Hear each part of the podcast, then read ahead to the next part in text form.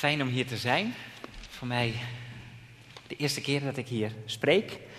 Ik ben Jacob Volkert, ik kom uit Drachten, ben daar geboren en getogen en sinds een kleine twee jaar weer voorganger in uh, de Vrije Baptistengemeente daar. Heb daarvoor uh, vijf jaar op Texel gestaan en daarvoor nog vijf jaar samen met mijn vrouw in Den Haag gewoond. Van waaruit ik naar Kampen ging hier vlakbij om toen nog voltijd te studeren uh, als enige baptist aan de gereformeerd vrijgemaakte universiteit zou ik kunnen zeggen. Ik heb vier zoons sinds twee weken. Twee weken geleden is onze Ethan geboren. Ik heb er twee, de twee oudste heb ik meegenomen, Gersom en Aaron. En Leonie en Job zijn nog thuis samen met Ethan. En uh, we genieten intens. En het is vandaag inderdaad Vaderdag, dus het zou niet verkeerd zijn om vanavond weer te komen, denk ik. Bedankt voor de uitnodiging, maar uh, ik weet niet of het uh, thuis gaat lukken. maar fijn om hier te mogen zijn. Ik was hier wel eerder in een dienst. En de laatste keer dat ik hier in de dienst was, is denk ik ruim twintig jaar geleden toen mijn nichtje Anna Ketelaar werd opgedragen. Ik denk bij velen van u wel bekend, Jaap en Alexandra zijn mijn oom en tante. En Jaap is eh, de jongste broer van mijn moeder. Dus dan weet u ook hoe die lijntjes weer lopen. Nou, volgens mij zijn we bij. ik mag vandaag spreken en ik wil graag met u nadenken inderdaad over een aantal woorden van de profeet Habakkuk. En Habakkuk die ontvangt een woord van de Heer. Het is een woord van God zelf die tegen Habakkuk zegt, Habakkuk, de rechtvaardige, die zal door zijn geloof leven. Ik vond het bijzonder om net uh, het lied te zingen dat we gezongen hebben. Ik realiseerde me dat nog niet toen wij uh, hier naartoe reden vanochtend. Dat op het moment dat we zingen, ik kom in uw heiligdom binnen en het voorhangsel ga ik voorbij.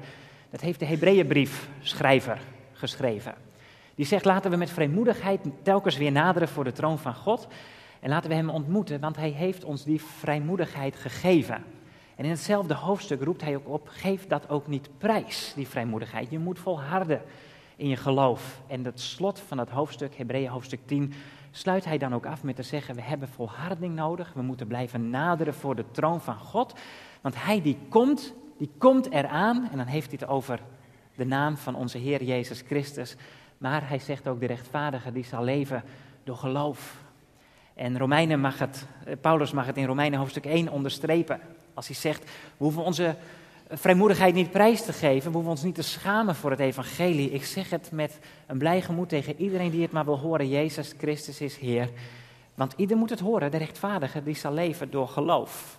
En in Galaten onderstreept Paulus het nog een keer. Galaten hoofdstuk 3, dan zegt hij, domme, domme Galaten, wie heeft jullie betoverd? Jullie denken dat je je weer aan de wet moet houden om zo een ticket voor de hemel te kunnen krijgen. Maar de rechtvaardige, die zal leven door geloof. Vier keer. Habakkuk ontvangt het van de Heer, maar drie keer wordt het herhaald. Vier keer staat in de Bijbel dit ene kernzinnetje. De rechtvaardige, die zal leven door geloof. En als iets vier keer in de Bijbel staat, je kunt de hele Bijbel serieus nemen. Maar volgens mij wil de Heer iets extra zeggen als hij zegt, laat het me benadrukken. Want ik laat het drie keer terugkomen nadat ik het zelf aan Habakkuk heb verteld. De rechtvaardige, die zal leven door geloof. Het is mijn ervaring, zo jong als ik mag zijn, in de pastorale praktijk, dat elke keer weer als ik zelf in omstandigheden kom waarvan ik denk, Heere God, hoe moet ik hiermee omgaan? Hoe moet ik mij verhouden tegenover u? Welke keuzes moet ik maken als het leven me niet komt aanwaaien? Dat de Heere God elke keer vraagt, ja maar welke weg ik ook met je ga en wat jouw omstandigheden ook zijn en welke keuzes jij ook moet maken, hoe je soms afscheid moet nemen, hoe je soms moet gaan naar plaatsen waar ik je roep. Vertrouw je mij? Vertrouw je mij? Volgens mij is het een van de meest wezenlijke vragen die de Heere God aan jou en mij telkens weer stelt.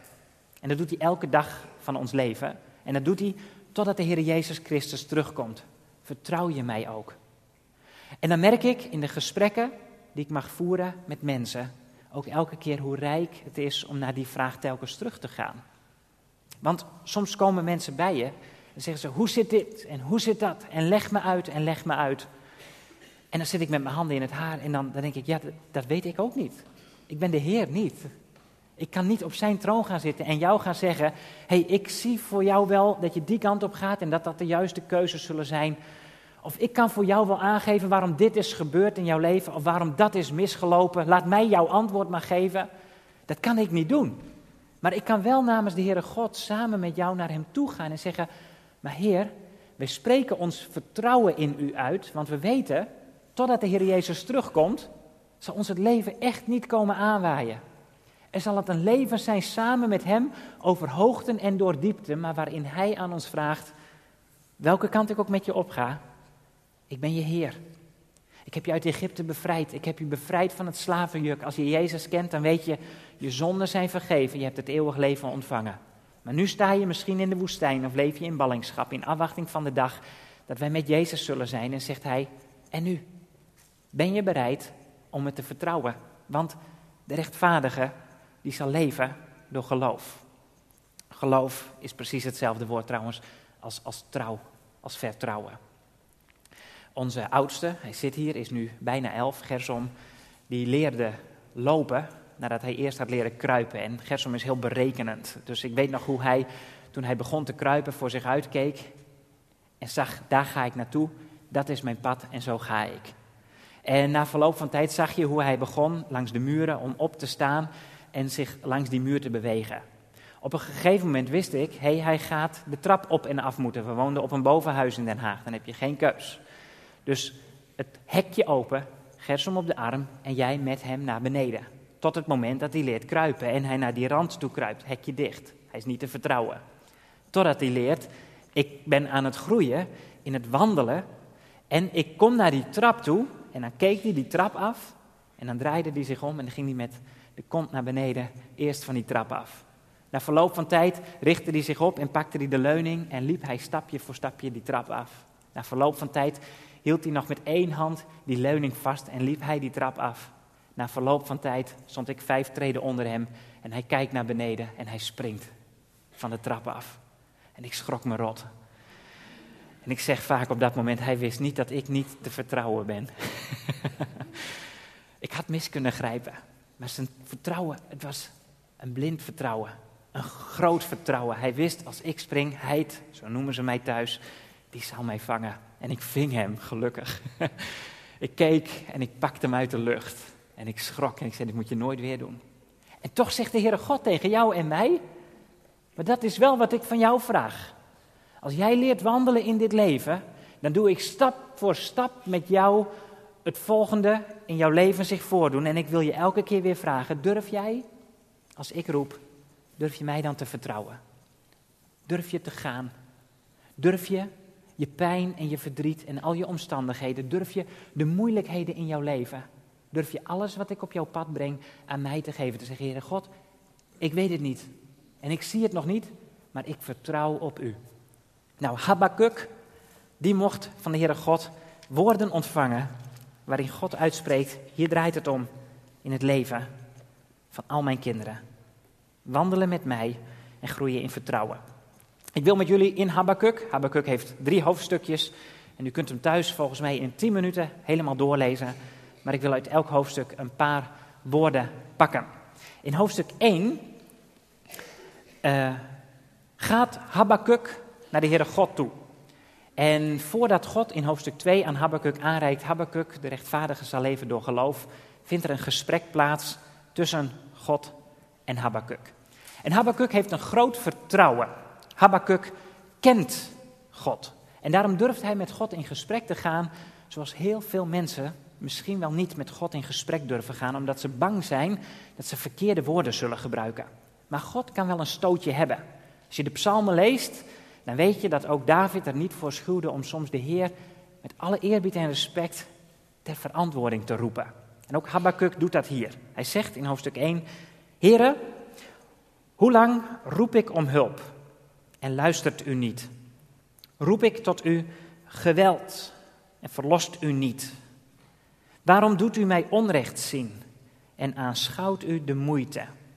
Ja, verwoesting en geweld zijn tegenover mij. Er ontstaat oneenigheid. Ruzie verheft zich en daarom verliest de wet zijn kracht en komt het recht nooit meer tevoorschijn. Want de goddeloze omsingelt de rechtvaardige. Daarom komt het recht verdraaid tevoorschijn. Dit is Habakkuk. Habakkuk leeft zo'n 600 jaar voor Christus. En Habakkuk die heeft één grote vraag aan het adres van de Heere God. Hoe lang nog? Hoe lang nog? Het zijn psalmen. Psalm 13, denk eraan. Hoe lang nog, heren, vergeet u mij voortdurend? Hoe lang nog, heren, moet ik wachten tot u ingrijpt? Heren, hoe lang nog lijkt het alsof de onrechtvaardige het goed heeft en de rechtvaardige die komt om? Hoe lang nog, heren God, duurt het voordat u ingrijpt en u uw naam verheerlijkt? Het is een vraag die ons als kinderen van de Heere God, denk ik, voor de voeten geworpen kan worden. Een waarom-vraag die kan leven in de wereld waarin we staan. Jullie geloven in God. Maar als God dan bestaat, waarom dan? En er komen eigenlijk soortgelijke vragen als die Habakkuk heeft. Waarom is er oorlog? Waarom is er ruzie? Waarom komt het recht dan niet aan de oppervlakte? Waarom worden mensen ziek? Waarom sterven mensen als God dan almachtig is? Waarom? Hoe lang nog? Hoe lang moet ik nog wachten? En ik, ik ken de vraag zelf ook. Dat ik bij tijd en wijle denk, Heer, hoe lang duurt het nou nog? ik geloof persoonlijk niet dat het nog heel lang duurt voordat de Heer Jezus terugkomt. En ik geloof ook dat het een heilig verlangen in het hart van zijn kinderen is om te zeggen, Heer, kom en kom haastig, want de wereld staat in brand.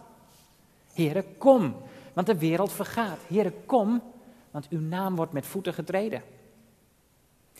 En ik weet niet of jij de vraag ook kent, de waarom-vraag in je leven, of de eigenlijk hoe lang nou nog, Heer, vraag, hoe lang moet ik nou nog wachten totdat u eindelijk verlost? Maar als ik eerlijk ben, moet ik in mijn hart altijd goed nagaan, Jacob, waarom wil jij dat de Heer Jezus terugkomt? Is het een heilig verlangen? Of heeft Jacob Volkers er wel tabak van? Is het wel klaar wat Jacob Volkers betreft? Ik heb ons andere zoontje ook meegenomen, onze Aaron. En Aaron die zei een aantal jaren geleden, vanwege onze buren die niet in Jezus geloven, de Heer Jezus moet nog niet terugkomen. Want ze kennen de Heer Jezus nog niet. En dan denk ik, mijn eigen verlangen om er klaar mee te zijn, soms, dat wordt gelogend door een manneke die zegt, ja maar de hele wereld kent Jezus nog niet. En dat is de reden dat op de vraag, hoe lang duurt het nou eigenlijk nog, de Heer Jezus zegt, nog even, maar ik heb nog geduld, want ik wil niet dat iemand verloren gaat. En hij vraagt aan jou en aan mij, aan ons allemaal, aan u, maar ben jij bereid om in de korte tijd, die het nog duurt, wel geduld te oefenen en te leven door geloof. En te zeggen, heren, niet vanwege mij moet u terugkomen. Maar als het verlangen in mijn hart groeit dat u terugkomt, laat het dan meer en meer het verlangen worden dat eindelijk de hele wereld zal zien dat u Heer bent.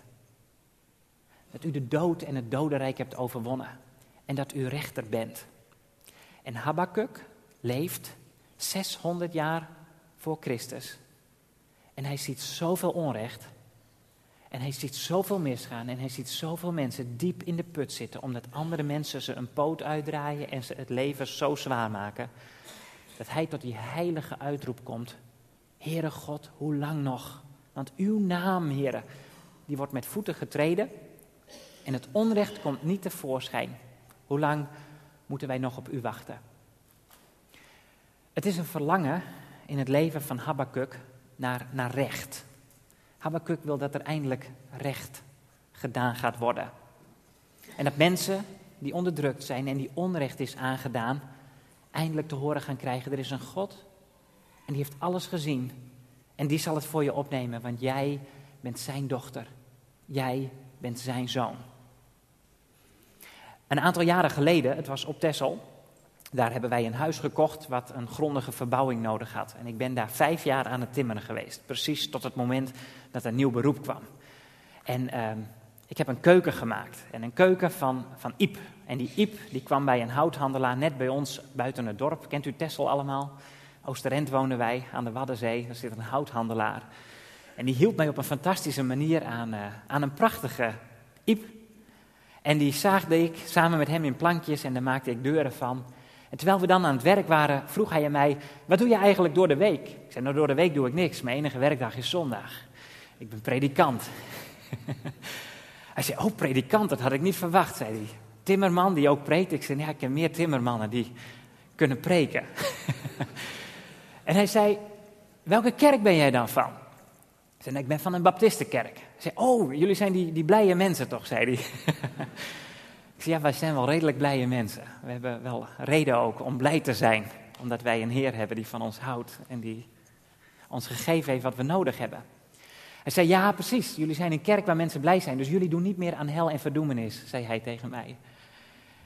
En, en toen zei ik, joh, geef me een half uur. En we hebben met elkaar zitten praten over hel en verdoemenis. En ik zei, ik wil proberen om uit te leggen waarom zelfs hel en verdoemenis mij blij kunnen maken. En een glimlach op mijn gezicht. Niet vanwege de hel en de verdoemenis, maar vanwege het feit dat wij een God hebben die zegt, ik kan geen onrecht zien. En als ik onrecht zie, dan moet daar recht tegenover komen. Want de onrechtvaardige, die zal sterven. Maar wie recht is en wie rechtvaardig is, die zal leven. En ik had het er met hem over dat elk mens in zijn of haar hart ten diepste recht wil. Weet je nog dat je misschien toen je klein was wel eens hoorde dat zul jij wel gedaan hebben terwijl je het niet gedaan had? Dat je gescholden werd, dat je oneerlijk behandeld werd? Misschien maak jij het vandaag wel mee. Dat jou geen recht wordt gedaan. En dat het maar de vraag is of er ooit een rechter is die zich zal uitspreken hier tussen hemel en aarde over het onrecht dat jou is aangedaan en of jij ook genoegdoening zult krijgen. Als ik denk aan, aan het vliegtuig dat een aantal jaren geleden neerstortte. En waarvan we nu horen dat mensen die voor de rechter zouden moeten verschijnen zeggen: We zullen waarschijnlijk niet komen als we er niet toe gedwongen worden. En het onrecht dat heerst en het onrecht dat mensenharten beheerst omdat het recht niet aan het licht komt. En als ik het even wat kleiner maak en wat, wat dichterbij haal. Hoeveel mensen kijken niet al meer dan twintig jaar lang naar de rijdende rechter en zien dat mensen wel hun gelijk willen halen over soms kleine centimeters in de tuin van de een of van de ander, over bomen die verkeerd staan en schuttingen die herplaatst moeten worden. We willen recht. Elk mens wil, wil, recht hebben. Ik zei, wat ben ik ontzettend blij dat geen dader ermee weg zal komen. Dat geen dictator het niet zal weten. Want komen ze om, dan zullen ze voor een Heer verschijnen en die zal zeggen: Wat heb jij mijn schepping aangedaan? En wat heb jij mijn kind aangedaan? Wat heb jij mijn zoon aangedaan? Toen hij moest sterven aan het kruis voor al dat onrecht in de wereld. Daarom ben ik blij met een Heer die zegt: Wie mij niet wil, zal mij niet hebben.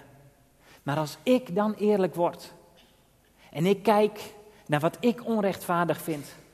En ik kijk naar het onrecht dat ik heb gedaan. Dan ontdek ik, maar Heer, hoe zou ik dan nog verschijnen in uw koninkrijk? Hoe kan ik dan nog vrijmoedig uw voorhangsel voorbij gaan en zeggen, ik kom in uw heiligdom binnen? Dat komt omdat iemand anders in mijn plaats een onrechtvaardige dood is gestorven. Omdat al mijn onrecht op hem is gekomen. En die Heer, die zegt tegen mij, en zo sprak ik er met hem over, ik dring mezelf niet aan je op. Maar wil jij aanvaarden dat ik jouw recht ben? Wil jij je eigen onrecht gaan beleiden? Weet je, dan stel ik jou in staat om met mij in het reinen te komen. Om een profeet te worden als Habakkuk en de rest van de wereld te zeggen: Mensen, er is een rechter en er komt geen directeur er komt geen president, er komt geen machthebber. Er komt geen misdadiger mee weg. Maar elk mens heeft gezondigd en heeft Jezus nodig om rechtvaardig te kunnen worden. Om te kunnen verschijnen voor de troon van de Allerhoogste en met een Habakkuk te kunnen zeggen: En nu, heren, schiet op. Hoe lang nog? Totdat heel de wereld zal zien dat u rechter bent. Want, heren, de tijd wordt minder en minder. Habakkuk leeft in zo'n tijd. Wat ik zei, uh, eh, 600 jaar voor Christus. Op dat moment is het tienstammenrijk, Israël bestond uit twaalf stammen, het tienstammenrijk, het was gescheurd na koning Salomo, Jerobiam en Regabiam waren koningen geworden.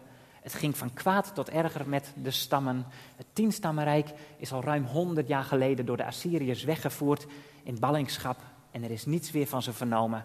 En Habakkuk leeft nu ruim 120 jaar later en hij zegt, Heere God, het heeft even geduurd, maar we hebben niets geleerd van wat u ons heeft gezegd door de ballingschap van onze broers uit het tienstammenrijk. Heer, ik sta hier nu, anno 600 jaar voor Christus, En ik roep u ter verantwoording, want opnieuw zie ik dat wees en weduwen worden onderdrukt. En dat het recht niet aan het licht komt. En dat rechters worden omgekocht. En dat het van kwaad tot erger is gegaan met uw volk. En ik vraag, Heere God, vanwege uw naam, vanwege uw eer, wanneer grijpt u in? En dan geeft God antwoord. En dat antwoord ga ik met u niet lezen, dat staat in hoofdstuk 1.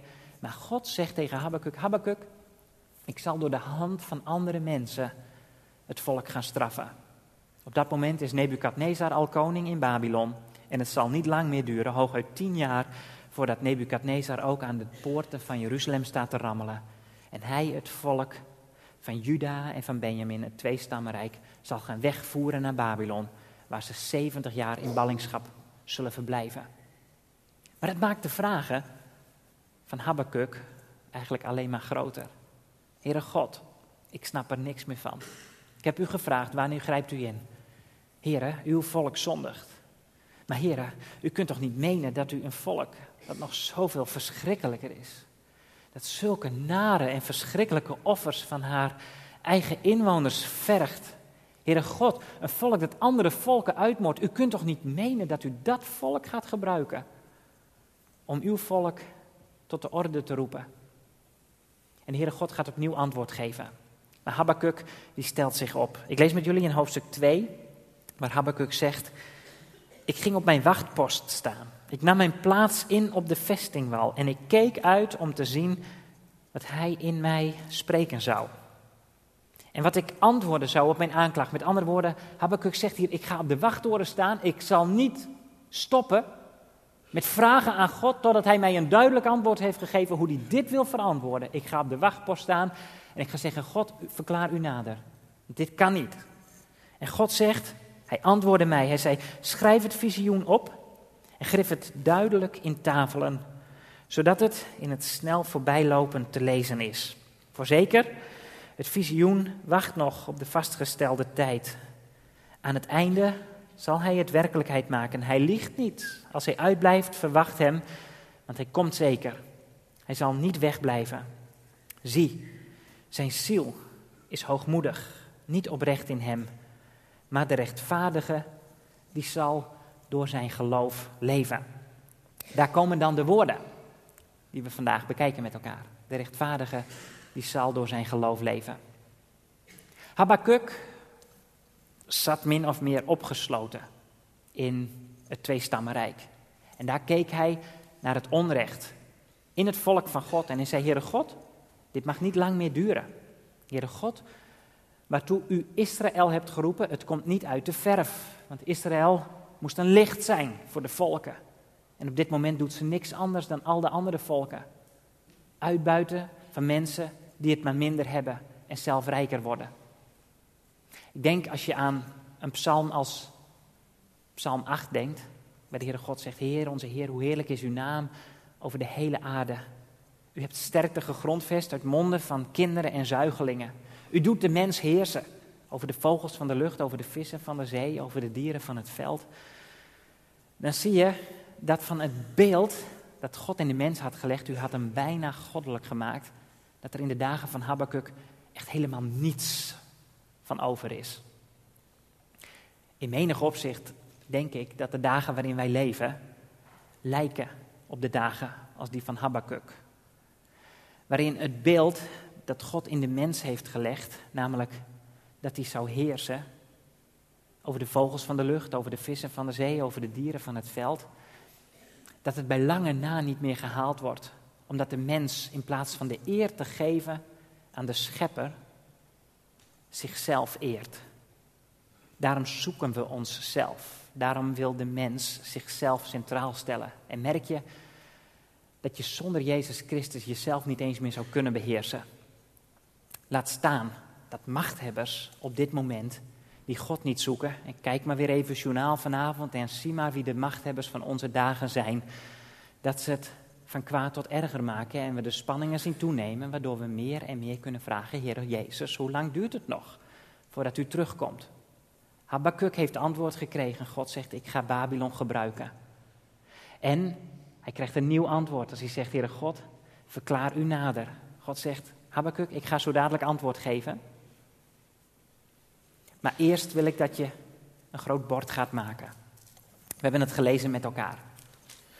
In vers 2 van hoofdstuk 2 staat het. Toen antwoordde de Heer mij en zei: Schrijf het visioen op, schrijf het duidelijk in tafelen, zodat het in het snel voorbijlopen te lezen is. God gaat hierna antwoord geven aan Habakkuk. Wat gaat er met Babylon gebeuren? Nou, kort gezegd, het antwoord over wat er met Babylon gaat gebeuren is: Habakkuk, zit er niet over in. Mijn volk houd ik vast. Ik ben trouw. Jullie, Israël, zullen leven door mijn trouw.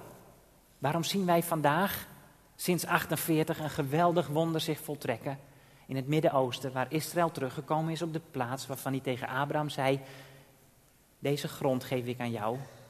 Niet omdat wij trouw zijn, niet omdat Israël trouw was, omdat God trouw is. Hij komt met zijn volk tot zijn doel. En we zien het gebeuren voor onze ogen. Habakkuk zit daar niet over in. Ik ga je een bemoediging geven voor mijn volk. Maar weet wel, Babylon zal het weten. Nebukadnezar zal het weten. Poetin zal het weten. Trump zal het weten. Kim Jong-un zal het weten. Hitler zal het weten. Allen die mijn kinderen iets hebben aangedaan en je kent ze in jouw eigen leven, ze zullen het weten. En als wij de Heer Jezus niet hadden leren kennen als onze Heer en onze Verlosser, dan hadden we het zullen weten. Maar als je Jezus hebt leren kennen, als jouw Heer en als jouw Verlosser, die in jouw plaats stierf aan het kruis op Golgotha, dan mag je bij jezelf zeggen, Hij wist het en Hij zou het weten. Alles wat er in mijn hart was, alle reden die ik aan Hem gaf om mij in een ballingschap te laten voeren, waarvan Hij zei, geef het maar aan mij. En ik neem het mee naar het kruis op Golgotha, zodat ik jou rechtvaardig kan verklaren. Habakkuk, mijn volk gaat straks 70 jaar naar een grondgebied waar ze mijn woord niet kunnen lezen. En de meeste rollen, ze zullen verbrand worden. En mijn huis, het zal in rook opgaan, want op dit moment is het niets waard. Maar Habakkuk, mijn volk, zal leven door geloof. En wat krijgt Habakkuk voor opdracht? Ik las het al. Hij moet tafelen maken, laten we met elkaar. Grote tablets, grote tabloids, grote banners, zie ik eigenlijk. Grote panelen langs de weg. Want we het moet in het snel voorbijlopen, moet het, uh, moet het te lezen zijn. Uh, wie wel op Texel geweest? Nog even terug naar het eiland. Is Johan er ook? ja, ja, jullie zijn er uh, vijf jaar geweest zelfs. Heel goed. Als je Texel oprijdt en je rijdt richting Den Burg, dan zie je een groot bord ergens in een weiland staan, halverwege. Kent u dat bord? En wat staat erop? Ons eiland voor de heiland. En als je terugrijdt, zie je een andere tekst van het eiland af. Weet u die ook? De Heer is mijn helper. De Heer is mijn helper. Eh, ooit moesten we stemmen voor de naam van een, nieuwe boot die sinds twee jaar in de vaart is genomen. En toen had ik nog voorgesteld om hem ons veer voor de Heer te laten zijn. ik denk, ons eiland voor de heiland, als we het veer er ook nog bij krijgen, dan uh, kunnen we zo Nederland langzaam maar zeker gaan innemen. Het is hem niet geworden, Tesselstroom is het. Ons eiland voor de heiland. Je rijdt Tessel op, ons eiland voor de heiland. Weet je wat het is? Tessel is een seculier eiland. Het aantal gelovigen is, is niet heel groot. Elke keer als Tesselaars langs het weiland rijden, zien ze ons eiland voor de heiland. En elke keer als ze het eiland vertrekken, als ze het verlaten, nou, dan gaan ze richting de boot en ze kunnen lezen, de Heer is mijn helper. Israël, het twee stammenrijk, Juda en Benjamin, het volk dat de Heere God had geroepen om zijn naam te verheerlijken, om zout en licht te zijn, het was bijna een seculiere staat geworden. En Habakkuk krijgt opdracht om langs de weg borden te plaatsen waarop staat, de rechtvaardige, die zal leven door geloof. En ik denk dat met hun telefoons in de hand en met hun laptops onder de arm, de Israëlieten er dag en nacht langs gekomen zijn, Jeruzalem in en uit om daar handel te drijven. En door te gaan met een vaak goddeloze weg die ze gingen op dat moment. En gezien hebben wie is daar aan het schilderen. Wat komt daar nou weer te staan? Tussen de vele borden die ze gewend waren in hun leven. De rechtvaardige zal leven door geloof. Maar Habakkuk wist, de wijze waarop jullie handel drijven, het is een grote zeepbel. En de wijze waarop jullie je leven invullen, misschien word je 80, misschien word je 90, misschien word je 100 als je stokoud mag worden. Maar het is een grote zeepbel geweest als je Jezus Christus niet hebt leren kennen. En Habakkuk weet dat. Die zegt, ik ga mijn best doen Om iedereen die hier langs loopt tenminste te laten zien, dat is waarheid. De rechtvaardige zal leven door geloof. En het tweestammenrijk, het is in ballingschap gevoerd. En het tweestammenrijk, al die inwoners daarvan hebben gezien. Onze telefoontjes en onze wifi-verbindingen. De handel die we dreven, de huizen die we ermee konden bouwen. De religie, de schijnheiligheid die wij konden hooghouden. Er is niets meer van over. En als zouden wij nu troost willen zoeken in de liedjes die onze grootouder ons aanleerden. We kunnen er niet meer naartoe, want de boeken zijn verbrand. Er is nog één ding dat we weten. Weet je nog, dat bord dat langs de kant van de weg stond. De rechtvaardige, die zal leven door geloof. Wat moeten wij doen? Wij moeten terugdenken aan onze Heer die zegt, niet jouw trouw, maar mijn trouw. Niet in eerste instantie jouw geloof, maar mijn vastberaden geloof. Ik ben het die zegt, ik ben die ik ben. En wat mijn hand begint, dat maakt hij af. Keer terug naar mij. En als je dan aan Babelstromen zat en je wist, we hebben het erna gemaakt, dan hoefde je alleen maar terug te gaan naar dat bord wat Habakkuk langs de weg mocht zeggen. Waarom die werd uitgelachen, waarom die werd beschimd, waarom mensen tegen hem zeiden, ben jij daar nog mee bezig met dat geloof? En ze mogen weten in de crisis van hun bestaan, misschien moet ik maar terugkeren naar God, want Hij is trouw en Hij is Heer. Ik weet niet hoe het gaat in jouw leven, waar jij op dit moment staat, maar weet wel, zelfs met Paulus aan Timotheus gesproken, al heb je momenten in je leven dat je dreigt weg te gaan van de Heer, zijn wij ontrouw. Hij is getrouw, want zichzelf ontrouw zijn kan hij niet. Ga terug naar de Heer en zeg, Heer, hier ben ik. Ik wil van u zijn, ik wil leven uit uw hand. Ik leef van genade. Ik leef uit uw trouw aan mij betoond, elke dag opnieuw. En dan, als je daar bent, dan zegt de Heer, fantastisch. Ik ben blij dat je weer thuis bent. Ik ben blij dat je het heiligdom bent binnengekomen. En dat je schuilt achter mijn zoon, de Heer Jezus, die jouw rechtvaardigheid is. Nu wil ik jou vragen om borden te maken.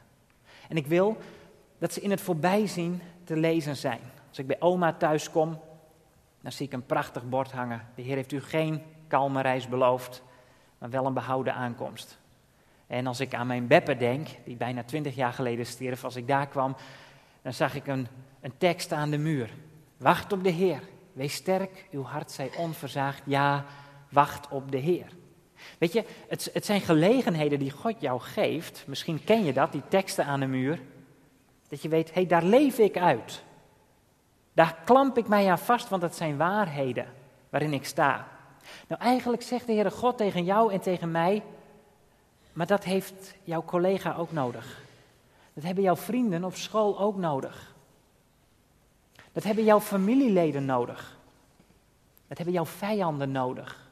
Dat hebben degenen die jou naar het leven staan nodig. Die hebben nodig dat zij op plaatsen komen waar ze geconfronteerd worden met waarheden waar ze niet omheen kunnen. Ik vraag van jou, zegt Jezus, dat jij een bord bent.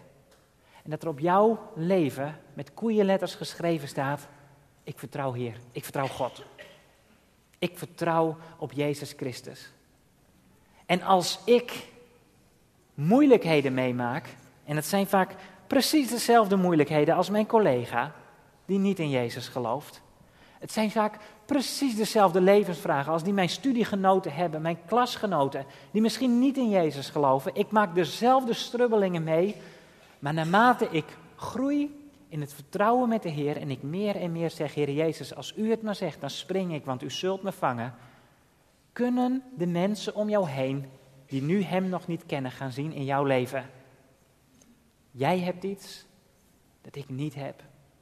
Hoe kan het dat met een onvoldoende, en als je gezakt bent, dat je toch zegt, ik baal als een stekker en ik zat hier niet op te wachten, maar ik vertrouw de Heer en ik ga een nieuw jaar met Hem in. Hoe kan het als jij ontslagen wordt en je afvraagt, kom ik ooit nog weer aan de bak, dat jij zegt, ondanks het feit dat ik baal als een stekker en ik ook niet weet wat de dag van morgen zal brengen, maar ik ga terug naar de Heer en ik geef mijn leven aan Hem, dat je kunt zeggen, maar ik vertrouw op u en toch ga ik met u verder. Hoe kan het dat jij die vrede ontvangt? Hoe kan het op het moment dat je relatie stuk loopt? Hoe kan het op het moment dat je je geliefde verliest? Hoe kan het op het moment dat ook ons de narigheid treft waarmee de wereld geconfronteerd wordt? Dat wij met elkaar kunnen zeggen, ondanks alles, ik vertrouw de Heer. Want ik leef door Hem en ik weet dat wat vandaag ook brengt en wat morgen ook brengt, mijn plek is bij Hem. Nu leef ik wel op een plaats waar ik eigenlijk niet thuis hoor en ben ik misschien in ballingschap, maar straks ben ik thuis, want de rechtvaardige zal leven door geloof. Dan hebben al de mensen die de Heer ons op ons pad brengt er ontzettend veel aan. Dat wij groeien in dat geloof. En dat we ons voornemen om te zeggen, Heer, ondanks mijn huis, ondanks mijn baan, ondanks mijn relatie, ondanks mijn studie, Heer, ik spreek het uit en kom mijn ongeloof tegemoet, maar ik vertrouw u. Want u komt toch wel tot uw doel in mijn leven. Habakkuk heeft dat ondervonden. Habakkuk heeft dat mogen oppakken. Hij was diep verontwaardigd. Heeft een pittig gesprek gehad met de Heere God. En heeft, zoals het in Filippenzen staat, een vrede ontvangen, diep in zijn hart, die alle verstand te boven gaat. En dat is het laatste woord dat ik met jullie lees uit Habakkuk, hoofdstuk 3. Misschien ook wel de bekendste woorden uit Habakkuk. Habakkuk schrijft in hoofdstuk 3, vers 17. Als zal de vijgenboom niet in bloei staan en er geen vrucht aan de wijnstok zijn. Als zal de opbrengst van de olijfboom tegenvallen en zullen de velden geen voedsel voortbrengen. Als zal het kleinvee uit de kooi verdwenen zijn en er geen rund in de stallen over zijn. Ik zal dan toch in de Heere van vreugde opspringen, mij verheugen in de God van mijn heil. De Heere, Heere is mijn kracht. Hij maakt mijn voeten als die van de hinden en hij doet mij treden op mijn hoogten. Als zal de vijgenboom niet in bloei staan en er geen vrucht aan de wijnstok zijn. Als zal de opbrengst van de olijfboom tegenvallen en zullen de velden geen voedsel voortbrengen. Als zal het kleinvee uit de kooi verdwenen zijn en er geen rund in de stallen over zijn. Ziet u, er is niks meer. Habakkuk staat met lege handen. En Habakkuk heeft net als menig mens op deze aarde alle reden om te zeggen: Neem mij maar weg, ik hoef niet meer te leven. Maar Habakkuk zegt, omdat hij God heeft leren kennen. Heeft u de MBG misschien bij u? Wie van u heeft de MBG bij zich? Uit 51. Niemand? Ah, u heeft hem. Nochtans, zo staat het er, hè? Nochtans, toch zal ik in de Heer opspringen van vreugde. Mij verheugen in de God van mijn heil. De Heere, Heere is mijn kracht. Hij maakt mijn voeten als die van de hinden. En hij doet mij treden op mijn hoogten. Dat is wat Habakkuk ons meegeeft. Ga naar God en zeg, Heer, hoe lang nog? Antwoord ontvang je en je denkt, Heer, is dit het antwoord? En Habakkuk ontvangt, ontvangt van de Heer, ja maar Habakkuk, ik ben wel trouw hoor. Ik kom tot mijn doel met jou, in jouw leven. En ik geef jou het eeuwig leven. Habakkuk, wil je naar mij kijken? En Habakkuk stapt over zichzelf heen. Ik kan dit voor u niet bewerkstelligen. Ik moet het mezelf telkens weer voornemen. Soms loop ik naar buiten en denk ik, Heer, hoe moet ik hiermee omgaan? Hoe moet ik daarop antwoorden als ik op verzenden ontvangen heb geklikt? Als ik weet, ik ga vandaag gesprekken moeten voeren. Heere God, ik weet het allemaal niet. En dan loop ik even naar buiten en dan kijk ik naar boven en dan zie ik soms een prachtige sterrenhemel en denk ik, ach Heer, ik vertrouw U. Want de rechtvaardige zal leven door uw trouw. Het is ook zo, U hebt hemel en aarde gemaakt. En dan merk ik, omdat ik weet dat Jezus Christus van me houdt, en hij zijn leven voor mij heeft gegeven en mij rechtvaardig heeft gemaakt. Dat ik mag zeggen, Heer, ik ga achter u aan. Ik vertrouw op u. Ik bid dat wij als kinderen van de Heer meer en meer omhoog zullen kijken.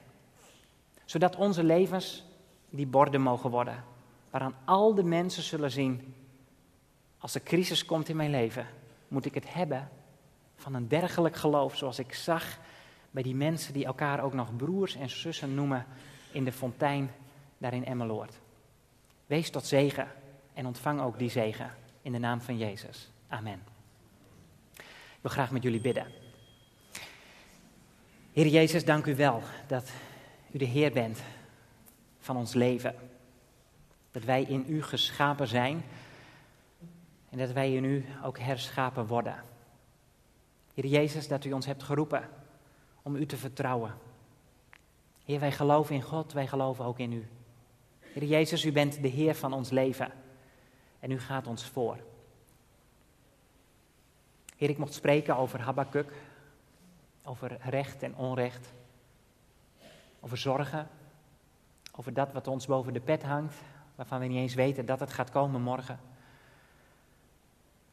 En toch, Heer, u bent wie u bent en u bent ook daar. En ik bid, Heer Jezus, dat u hoofd voor hoofd mijn broers en zussen hier aanraakt en dat u doordringt tot in het diepst van ons wezen. En Heer, waar misschien vanochtend door de leiding van uw geest aspecten in ons leven zijn aangesproken, misschien waar onrecht, of machteloosheid, of schuld is aangetipt. Heer Jezus, daar bid ik dat wij in de vrijheid zullen komen. Omdat u rechter bent en omdat u recht zult spreken en omdat u het recht zult maken. Maar ik dank u ook, Heer Jezus, dat u voor ons, zoals we hier samen zijn, hebt laten gelden dat omdat wij in u geloven, we eeuwig leven ontvangen, omdat u voor ons gestorven bent aan het kruis op Golgotha, zodat u al het onrecht van ons hebt kunnen wegnemen en ons rechtvaardig hebt verklaard. En Heer, misschien waar broers en zussen in deze zaal op dit moment dreigen om het stokje neer te leggen, te zeggen het duurt te lang. Heer, dat u ons nieuwe kracht geeft om minimaal te vragen, maar hoe lang nog, Heer? En dat als we van u daarin bemoediging en bevestiging krijgen, dat we mogen opstaan en vervuld van uw geest mogen zeggen, ik ga weer leven als een rechtvaardige, want ik ben rechtvaardig in Christus. En geef, Heer Jezus, dat vriend en vijand op onze weg in ons leven zal zien wie u bent. Heer, werk het geloof in onze harten. Verheerlijk u zelf. Ik bid het uit genade. En in Jezus' naam. Amen.